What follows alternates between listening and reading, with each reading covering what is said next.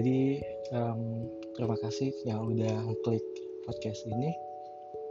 Uh, jadi itu gini kan semalam ada episode baru atau episode perdana di 2021. Nah setelah aku tag podcast itu, setelah upload juga, tiba-tiba kepikiran nih pengen bahas sesuatu lagi. Nah karena udah malam, nah kemarin ya udah jadinya mau bahas pagi aja. Dan inilah jadinya. Nah, seperti yang bisa kalian lihat di judulnya. Jadi aku mau bahas sedikit tentang financial planning. Agak agak berat ya, tapi ya udah lah ya kita coba bahas sedikit siapa tahu ada manfaatnya. Jadi karena bahasanya cukup berat, aku mau kasih disclaimer dulu ya. Jadi yang akan aku sampaikan nanti adalah itu berdasarkan sudut pandang anak usia 22 tahun yang belum punya kewajiban apa pun dari segi ekonomi, belum punya kewajiban untuk menafkahi, belum punya kewajiban untuk uh, pajak dan lain-lain, uh, yang juga belum punya atau tidak punya latar belakang pendidikan finansial secara formal. Jadi yang aku sampaikan ini berdasarkan ya beberapa referensi yang aku baca atau yang ku tonton atau yang ku dengar di podcast lain.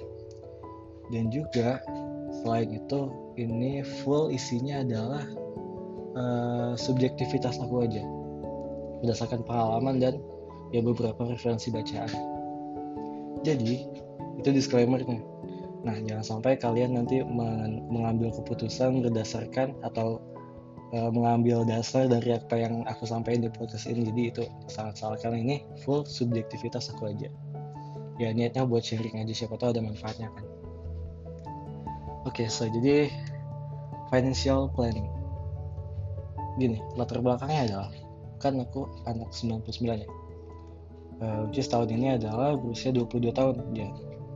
Ya otomatis teman-teman seangkatan aku juga sama kan, angkatan 99, 98 atau 2000. Ya kalian usianya ya kita sedang berada di usia 21, 22 gitu.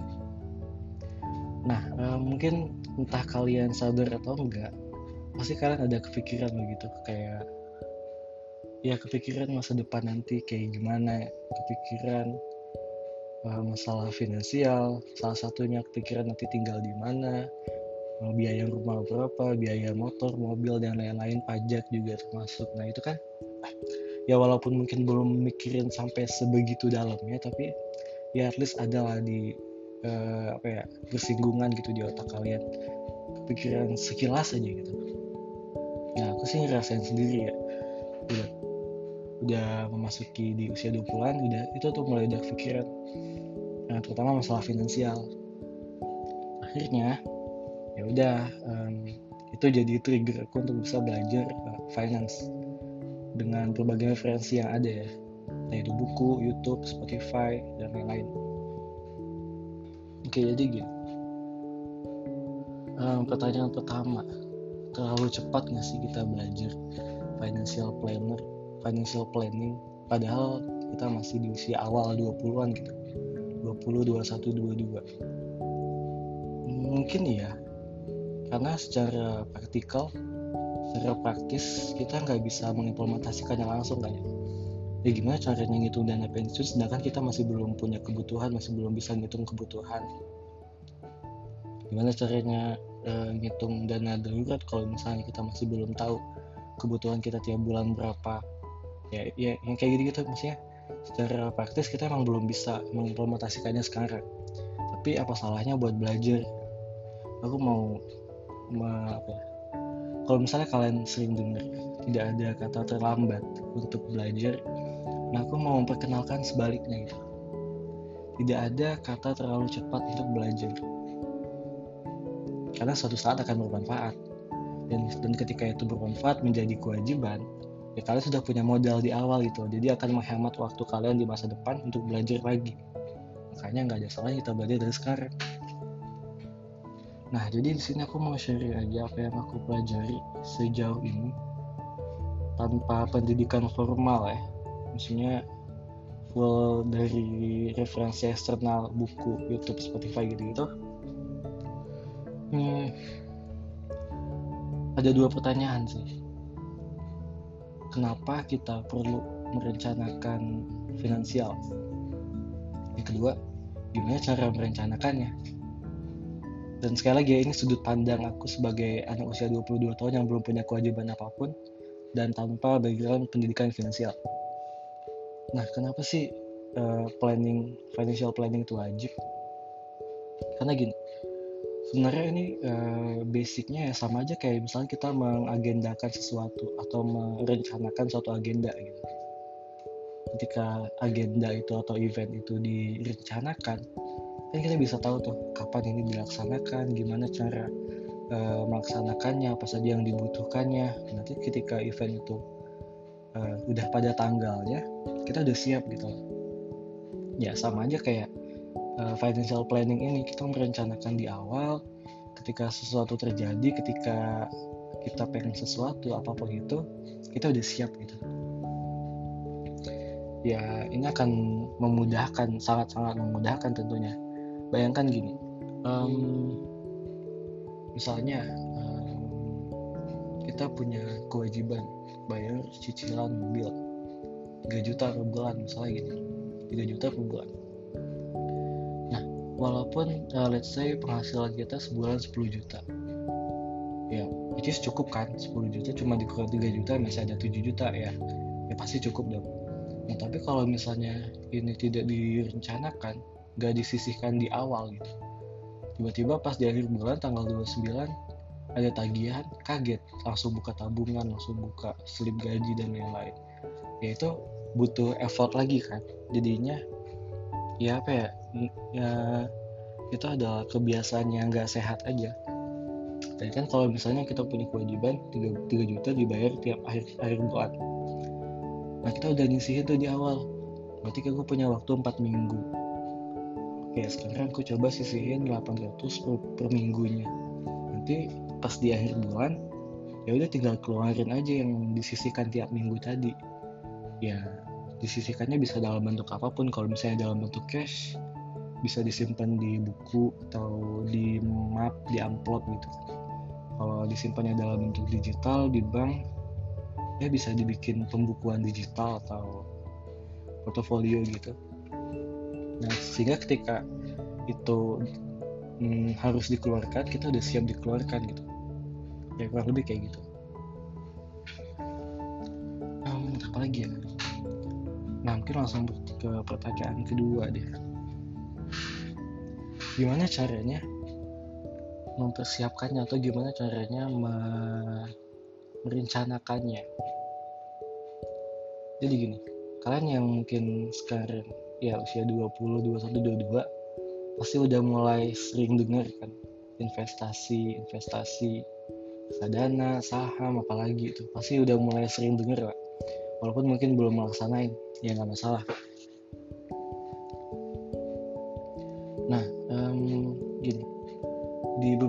referensi yang aku baca ada apa ya tingkatan kali tingkatan uh, kebutuhan bukan kebutuhan ya tingkatan prioritas prioritas perencanaan keuangan. Ada yang dibentuknya pakai piramid ada juga yang visualisasikannya dengan tangga gitu.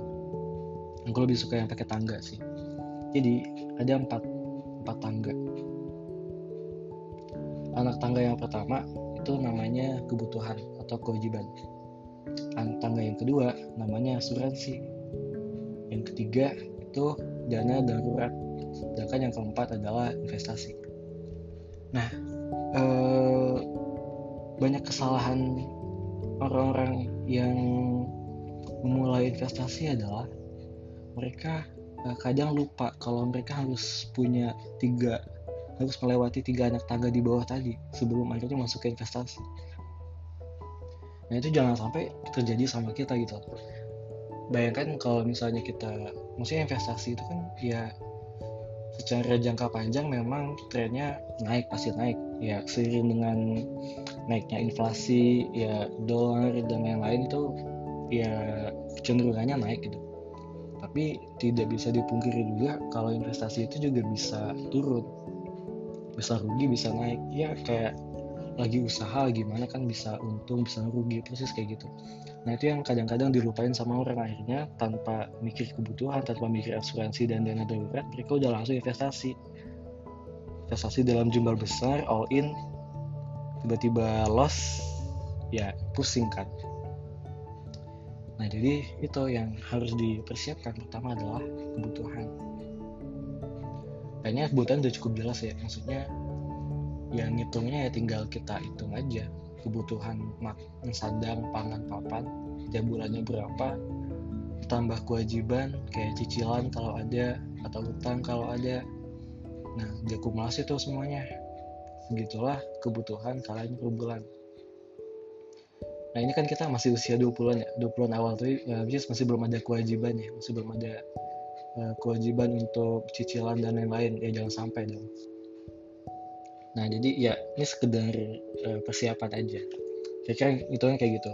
Pertama kewajiban. Makan minum listrik air cicilan dan hutang kalau ada. Nah setelah kewajiban udah tercukupi dan masih ada sisa nih duitnya banyak orang yang langsung loncat lagi ke investasi.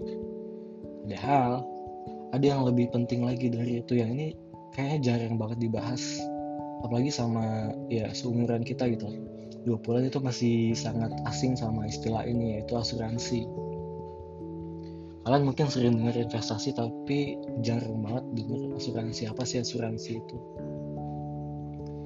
Jadi kenapa ini di level kedua setelah kebutuhan? Kenapa nggak langsung invest atau dana darurat karena hmm,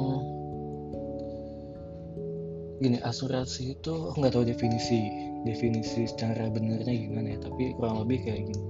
Asuransi itu adalah kompensasi atas sesuatu yang terjadi di dalam hidup kita gitu kan banyak tuh tipe-tipe asuransinya ada asuransi jiwa pendidikan kendaraan ya ketenaga kerjaan gitu-gitu dan lain-lain. Nah itu tuh penting banget. Uh, tapi ya nggak nggak mesti semua semua asuransi harus kita ambil kan yang menyesuaikan kebutuhan lagi kalau misalnya kita uh, mobilitasnya kurang maksudnya kerja di kantor di satu kota aja nggak ke mana-mana ya kan nggak perlu asuransi kayak kecelakaan gitu, -gitu ya. Hmm, paling yang ya kalau aku bisa bilang ya wajib ya asuransi jiwa. Contoh kenapa itu penting. Misalnya ini kita proyeksinya ke depannya ketika udah punya keluarga. Misalnya uh, si A punya anak anaknya masih SD misalnya.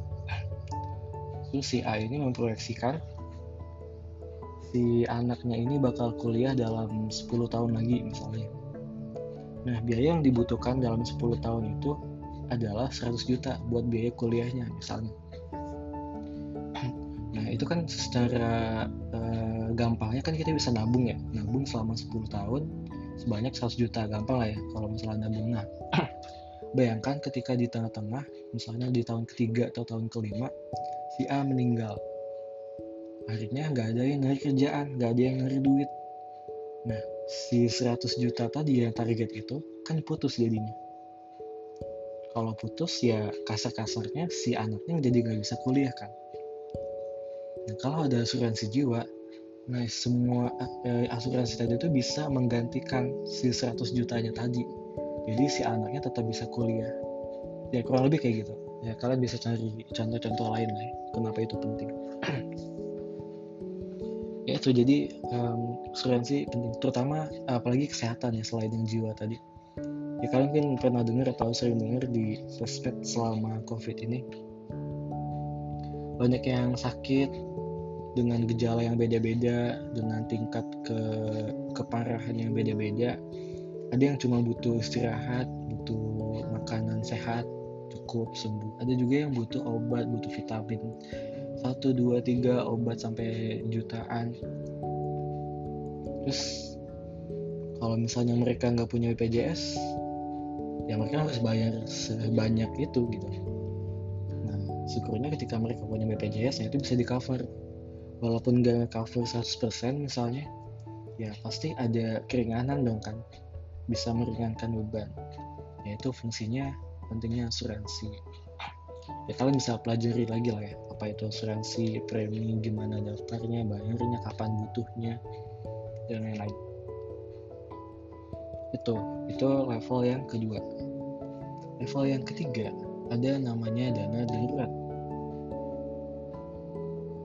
Hmm, yang mungkin kalian juga sering dengar semenjak masa pandemi ini banyak yang di PHK, banyak yang bisnisnya rugi, akhirnya nggak punya nggak punya apa ya nggak punya uh, pemasukan lagi per bulannya untuk memenuhi kebutuhan bulanan. Akhirnya mereka sadar, wah ada yang namanya dana darurat. Ternyata ini tuh penting. Nah apa itu dana darurat? Jadi gini, mungkin banyak aku nggak tahu ini definisi aku sendiri ya. Kalau salah ya silakan dikoreksi banyak yang menyalah banyak yang uh, salah mendefinisikan dana darurat ini. Mereka mendefinisikan dana darurat ini adalah dana yang dipakai tiba-tiba dan yang dipakai tidak terduga contohnya kecelakaan. Menurutku itu salah karena harusnya kalau masalah kecelakaan atau sakit itu di covernya bukan si dana darurat yang mengcover itu adalah si asuransi tadi yang di level kedua tadi nah ini kalau dicampur-campur jadinya bahaya kan? Hmm, ya nggak nggak dewasa aja gitu. Jadi dana darurat itu bukan bukan dana yang dipakai tiba-tiba ketika sakit. Nah, nggak. Mungkin dulu kita waktu SD SMP kita belajar ekonomi dijelasinnya kayak gitu ya. Dana darurat itu dana yang dipakai tiba-tiba pas sakit itu nggak nggak nggak gitu. Itu ada yang cover yaitu asuransi. Nah dana darurat yang dimaksud di sini adalah dana darurat yang dana yang bisa kita pakai untuk memenuhi kebutuhan bulanan tanpa harus bekerja atau tanpa harus ada pemasukan. Misalkan karena di PHK karena bisnisnya rugi gitu. Jadi nggak ada pemasukan nah mereka masih bisa hidup nih selama sekian bulan memanfaatkan dana darurat ini. Berapa sih jumlah dana darurat yang harus dikumpulkan? Ya tentu ada hitungannya. Ini kalau yang aku paham ya hitungan sederhananya. Ini basic banget hitungannya. Tinggal 6 kali kebutuhan per bulan jadi kalian hitung dulu tuh kebutuhan per bulannya berapa buat makan buat listrik air tambah cicilan kalau ada. Misalnya setelah dihitung-hitung per bulannya kalian butuh 3 juta misal. Nah berarti dana darurat yang harus dikumpulin itu adalah 3 kali 6 tinggal 18 juta berarti kan. Ya udah berarti uh, kalian hmm, bisa hidup selama enam bulan ke depan tanpa harus bekerja. Maksudnya tanpa harus bekerja di sini bukan berarti santai-santai gitu ya, nunggu enam bulan habis lah gitu. Hmm, maksudnya kenapa enam bulan? Enam bulan itu adalah waktu yang diharapkan kalian bisa comeback lagi gitu.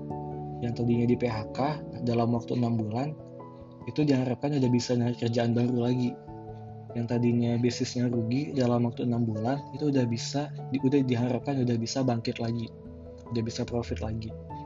Yang tadinya ya mungkin eh, kerjaannya hilang eh, dalam waktu enam bulan diharapkan untuk bisa menambah skill baru untuk bisa mendapatkan kerjaan baru lagi. Ya kurang lebih kayak gitu. Intinya waktu enam bulan itu adalah spare waktu untuk kalian bisa persiapan untuk kalian bisa cari kerjaan lagi supaya setelah enam bulan ini lewat kalian bisa balik lagi gitu uh, dengan keadaan yang normal dengan pemasukan yang normal lagi. Ya kurang lebih kayak gitu. Itu hitungan uh, basicnya ya. Ya tentu aja kalau mau lebih advance dan lebih akurat lagi ya tidak sesederhana itu. Karena kan tetap ada ada apa ya misalnya kalau misalnya ada utang bank ya ada bunga itu harus diperhitungkan. Kalau misalnya ada uh, terus juga faktor-faktor inflasi 100 ribu sekarang sama 100 ribu 6 bulan ke depan mungkin nilainya udah beda mungkin. Ya, itu perlu dipertimbangkan juga tuh eh, faktor inflasinya.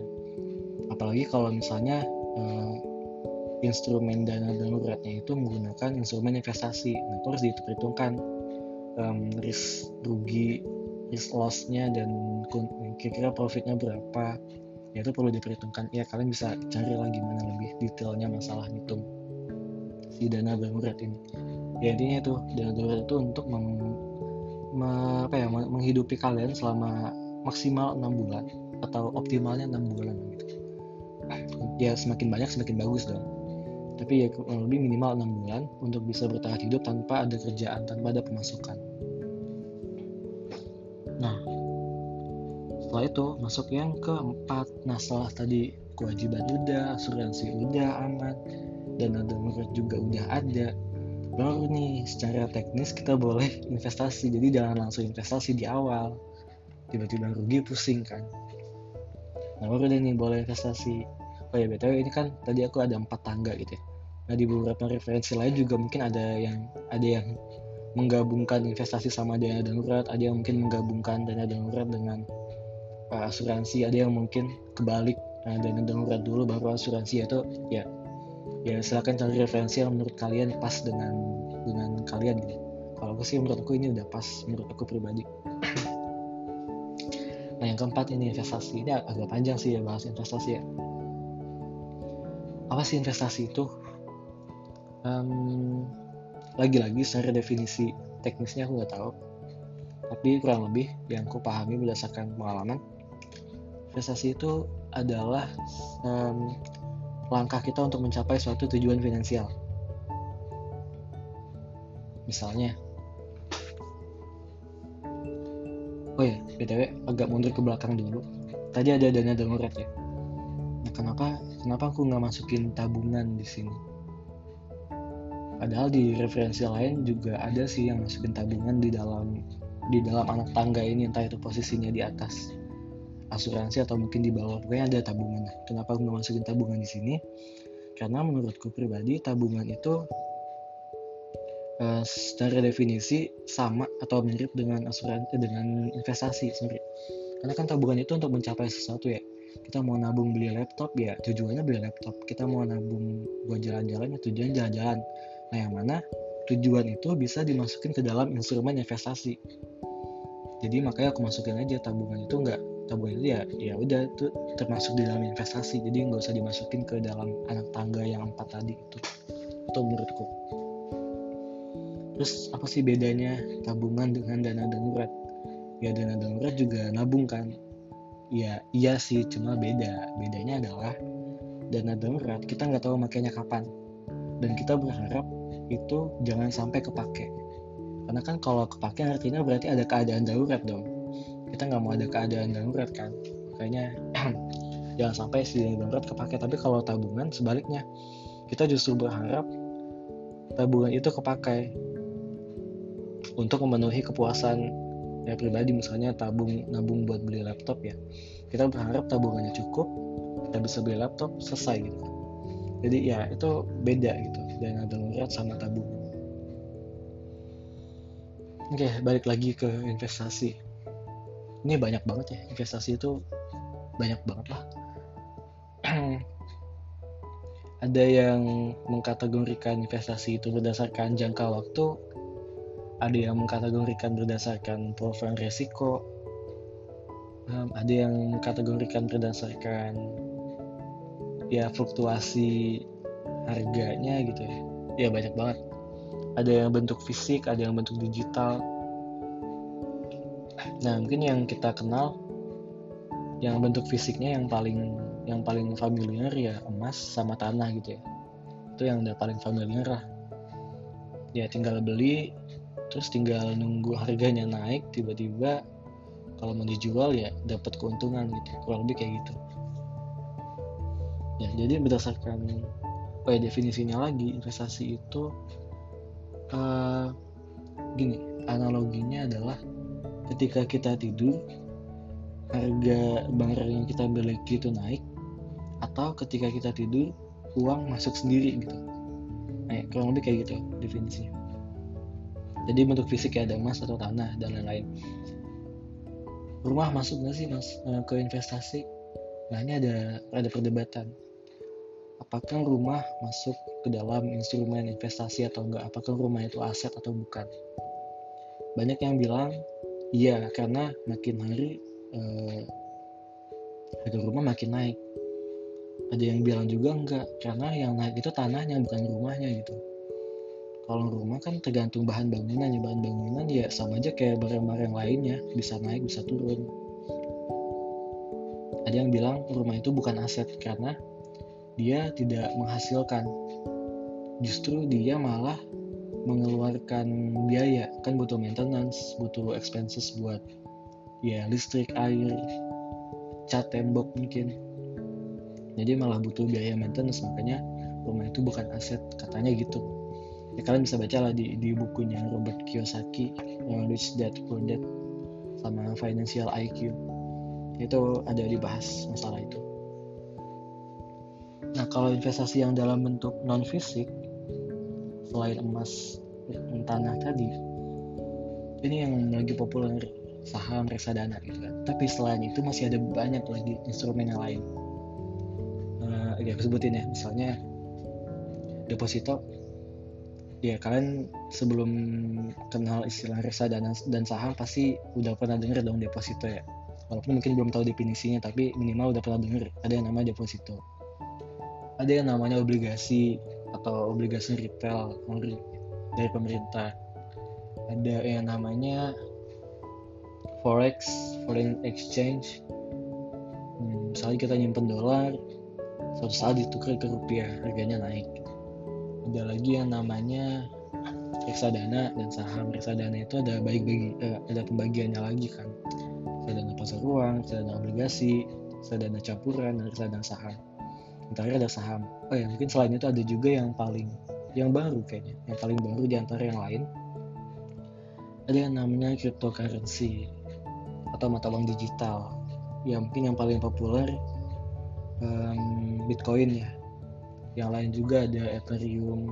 Ya ya banyak lah pokoknya. Cryptocurrency. Nah kan banyak tuh instrumennya. Ada ada banyak tadi disebutin gimana cara milihnya? Apa instrumen yang tepat buat kita gitu? Pertama untuk bisa memilih mana yang tepat ya kita harus tahu dulu semua semua instrumen itu. Kita harus tahu reksadana itu apa cara kerjanya gimana. Kita harus tahu saham itu apa cara kerjanya gimana cara jual belinya gimana. Kapan dia naik kapan dia turun berapa naiknya berapa turunnya dan dan sebagainya sebagainya. Ya kita harus tahu itu dulu nah kalau aku sih lebih lebih aman um, lebih aman untuk mencari instrumen yang tepat itu dengan dengan memperhatikan waktu, jangka waktu investasi sekaligus profil resiko. Ini yang banyak orang lupa, profil resiko. Profil resiko itu seberapa uh, toleran kamu dengan mm, dengan resikonya gitu. Ya maksudnya ya kita invest pasti mengharapkan harganya naik kan. Cuma yang kita tidak bisa hindari adalah masih ada kemungkinan dia turun. Nah ketika dia turun apakah kita bisa toleransi?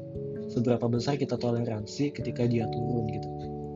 Nah yang kayak gitu itu perlu diperhitungkan juga selain jangka waktu. Nah kalau berdasarkan jangka waktu dan profil risikonya ini kita bahas uh, spesifik aja ya. Uh, yang ya, yang aku yang aku paham aja yang aku paham itu adalah ya deposito reksadana sama saham. Kalau masalah cryptocurrency for foreign exchange atau forex atau lagi peer to peer lending atau dari investment yang lain itu aku masih belum terlalu paham.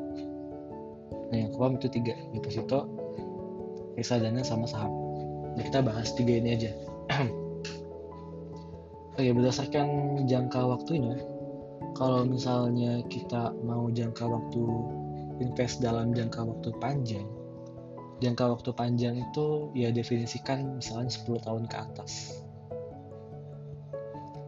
Itu dari berbagai referensi yang aku dapat, mereka semua merekomendasikan saham atau reksadana saham. Nah, apa sih bedanya reksadana saham sama saham ini ya? bedanya adalah reksadana saham itu kita nitip uang ke manajer investasi. Nah nanti si manajer investasi ini yang mengelola saham mana yang di, yang akan mereka beli gitu. Jadi kita cuma tahu setor uang udah beres. Kita nggak tahu ya kita tahu dia beli yang mana tapi kita nggak bisa protes gitu. Mau nitip dong beliin yang ini beliin yang itu nggak bisa.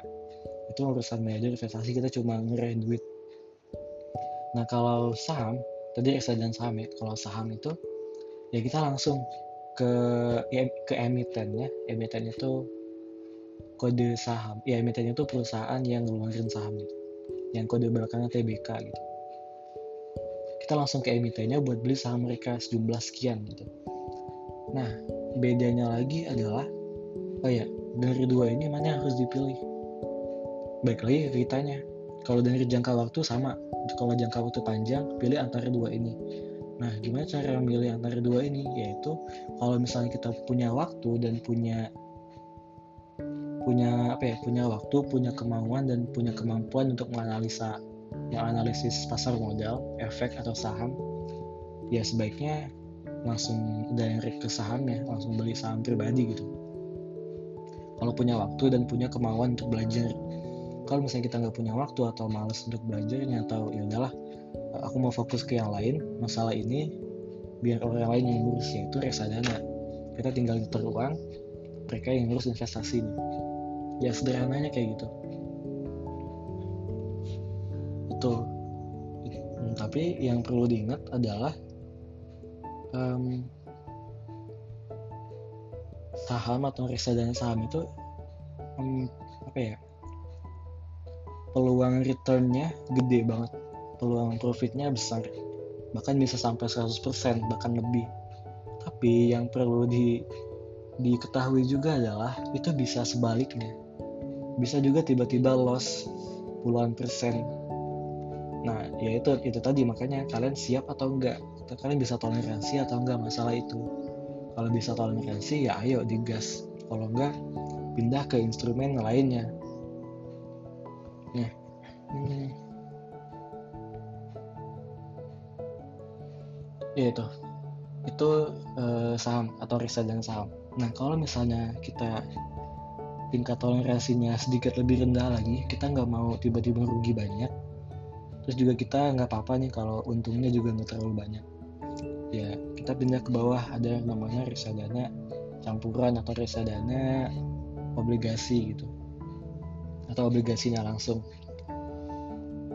Ya masalah definisi kalian bisa cari sendiri ya.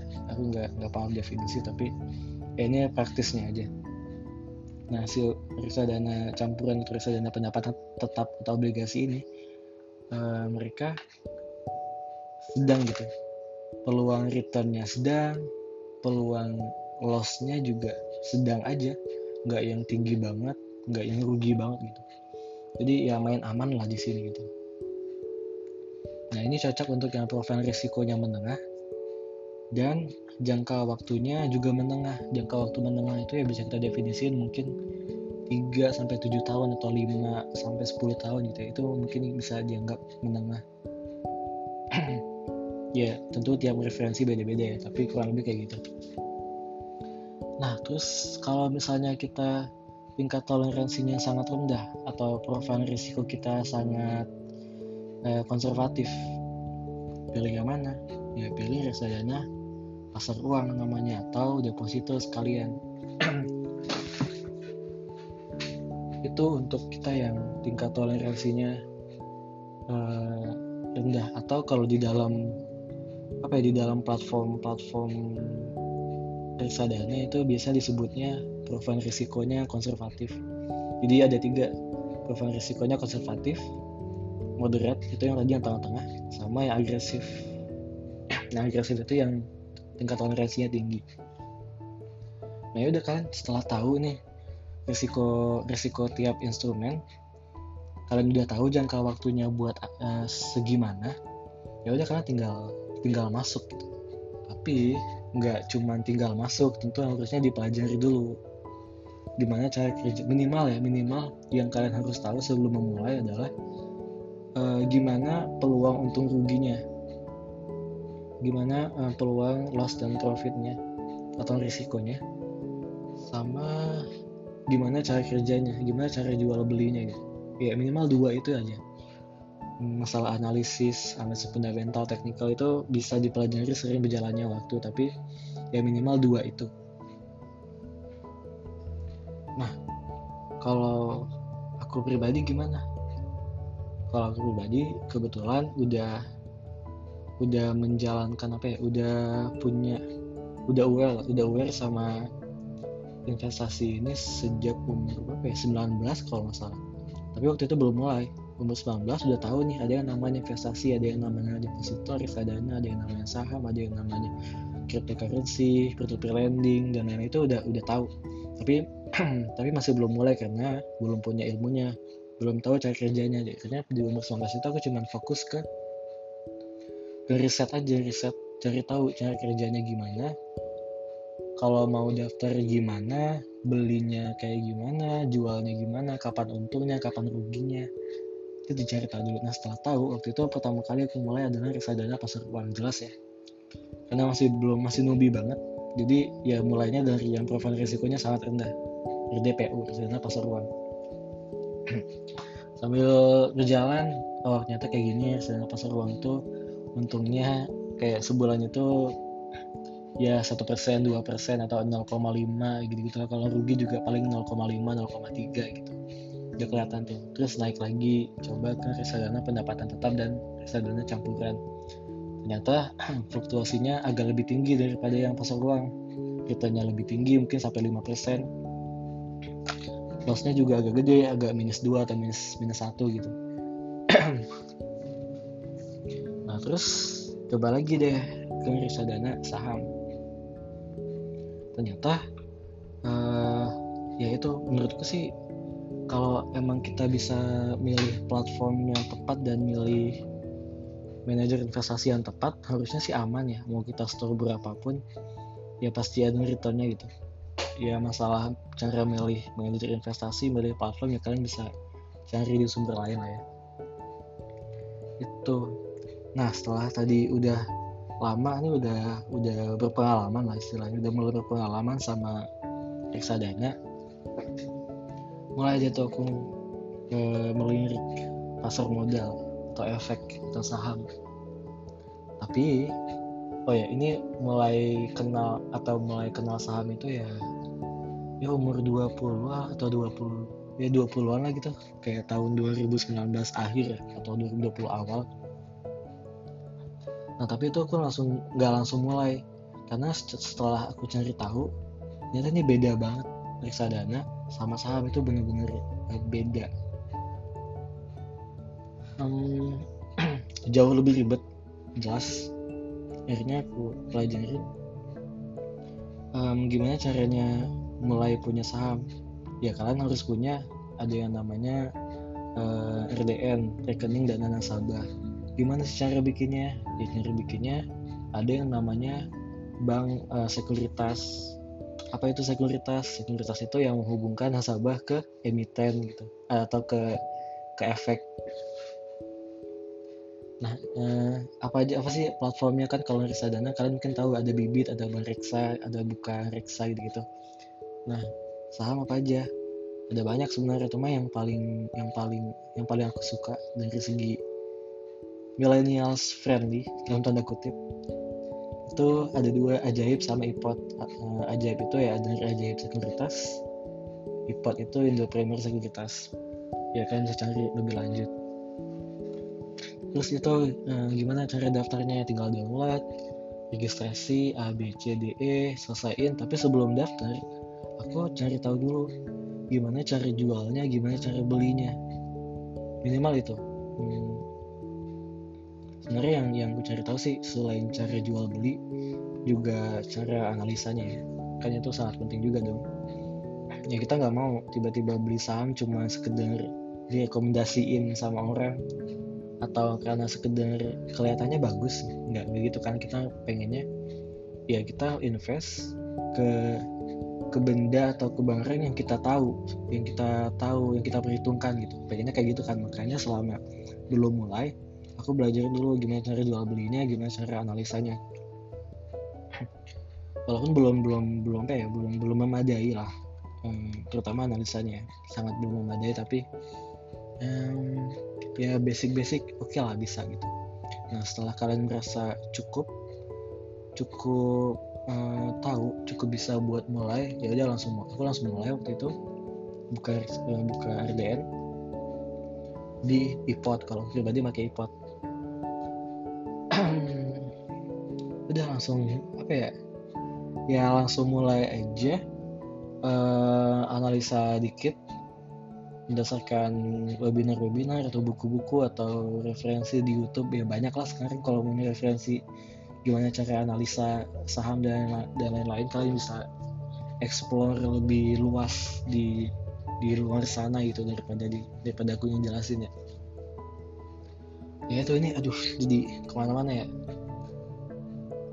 Tadi bahasan kita di awal itu uh, financial planning sejak dini ya. Nah di aku sebagai oh ya kita tutup dulu tadi masalah investasi. Kan itu yang paling panjang. Ya udah kita cukup sampai situ bahas investasinya. Kalau mau lebih lanjut nanti mungkin kalau aku minat kalau aku mau pengen ya nanti aku bikin episode lain kalau kalau misalnya pikiran ya. Kalau enggak ya kalian bisa um, cari lah banyak lah banyak lah referensi di luar sana gitu ya. Gak mesti punya pendidikan formal untuk bisa menganalisa uh, keuangan gitu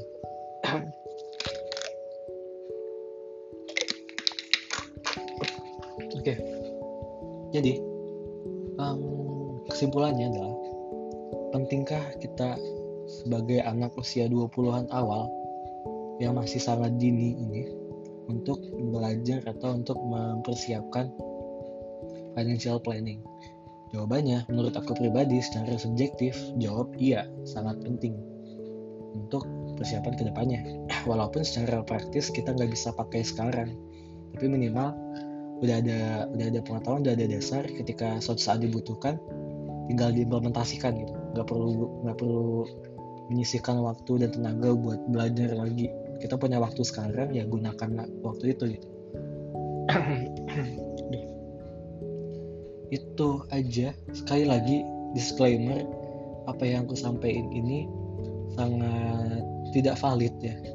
Karena karena sangat subjektif berdasarkan referensi yang aku baca aja dan dan yang ku tonton atau ku dengar plus subjektivitas pemikiran dan ide yang ku punya. Jadi jangan sampai uh, podcast ini atau apa yang ku sampaikan jadi dasar kalian untuk me melakukan decision making ke depannya ya. Jangan sampai lah. Ya carilah sumber yang valid gitu yang yang benar-benar bisa dipercaya. Banyak kok financial planner di luar sana yang benar-benar punya pendidikan punya kompetensi atau buku-buku ya banyak lah cari aja referensi di luar sana gitu. Itu aja. Memang berapa menit? Aduh 40 menit. Oke. Sekian. Kalau misalnya ada yang mau kalau misalnya ada yang denger dan mau ngoreksi atau mau diskusi silakan bisa DM atau private message. Um, kalau ada yang denger dan dan bisa mengambil manfaatnya ya alhamdulillah terima kasih kalau nggak juga nggak apa-apa baik lagi minimal ini bisa jadi dokumentasi pribadi aku ya. Sekian. Terima kasih. Bye.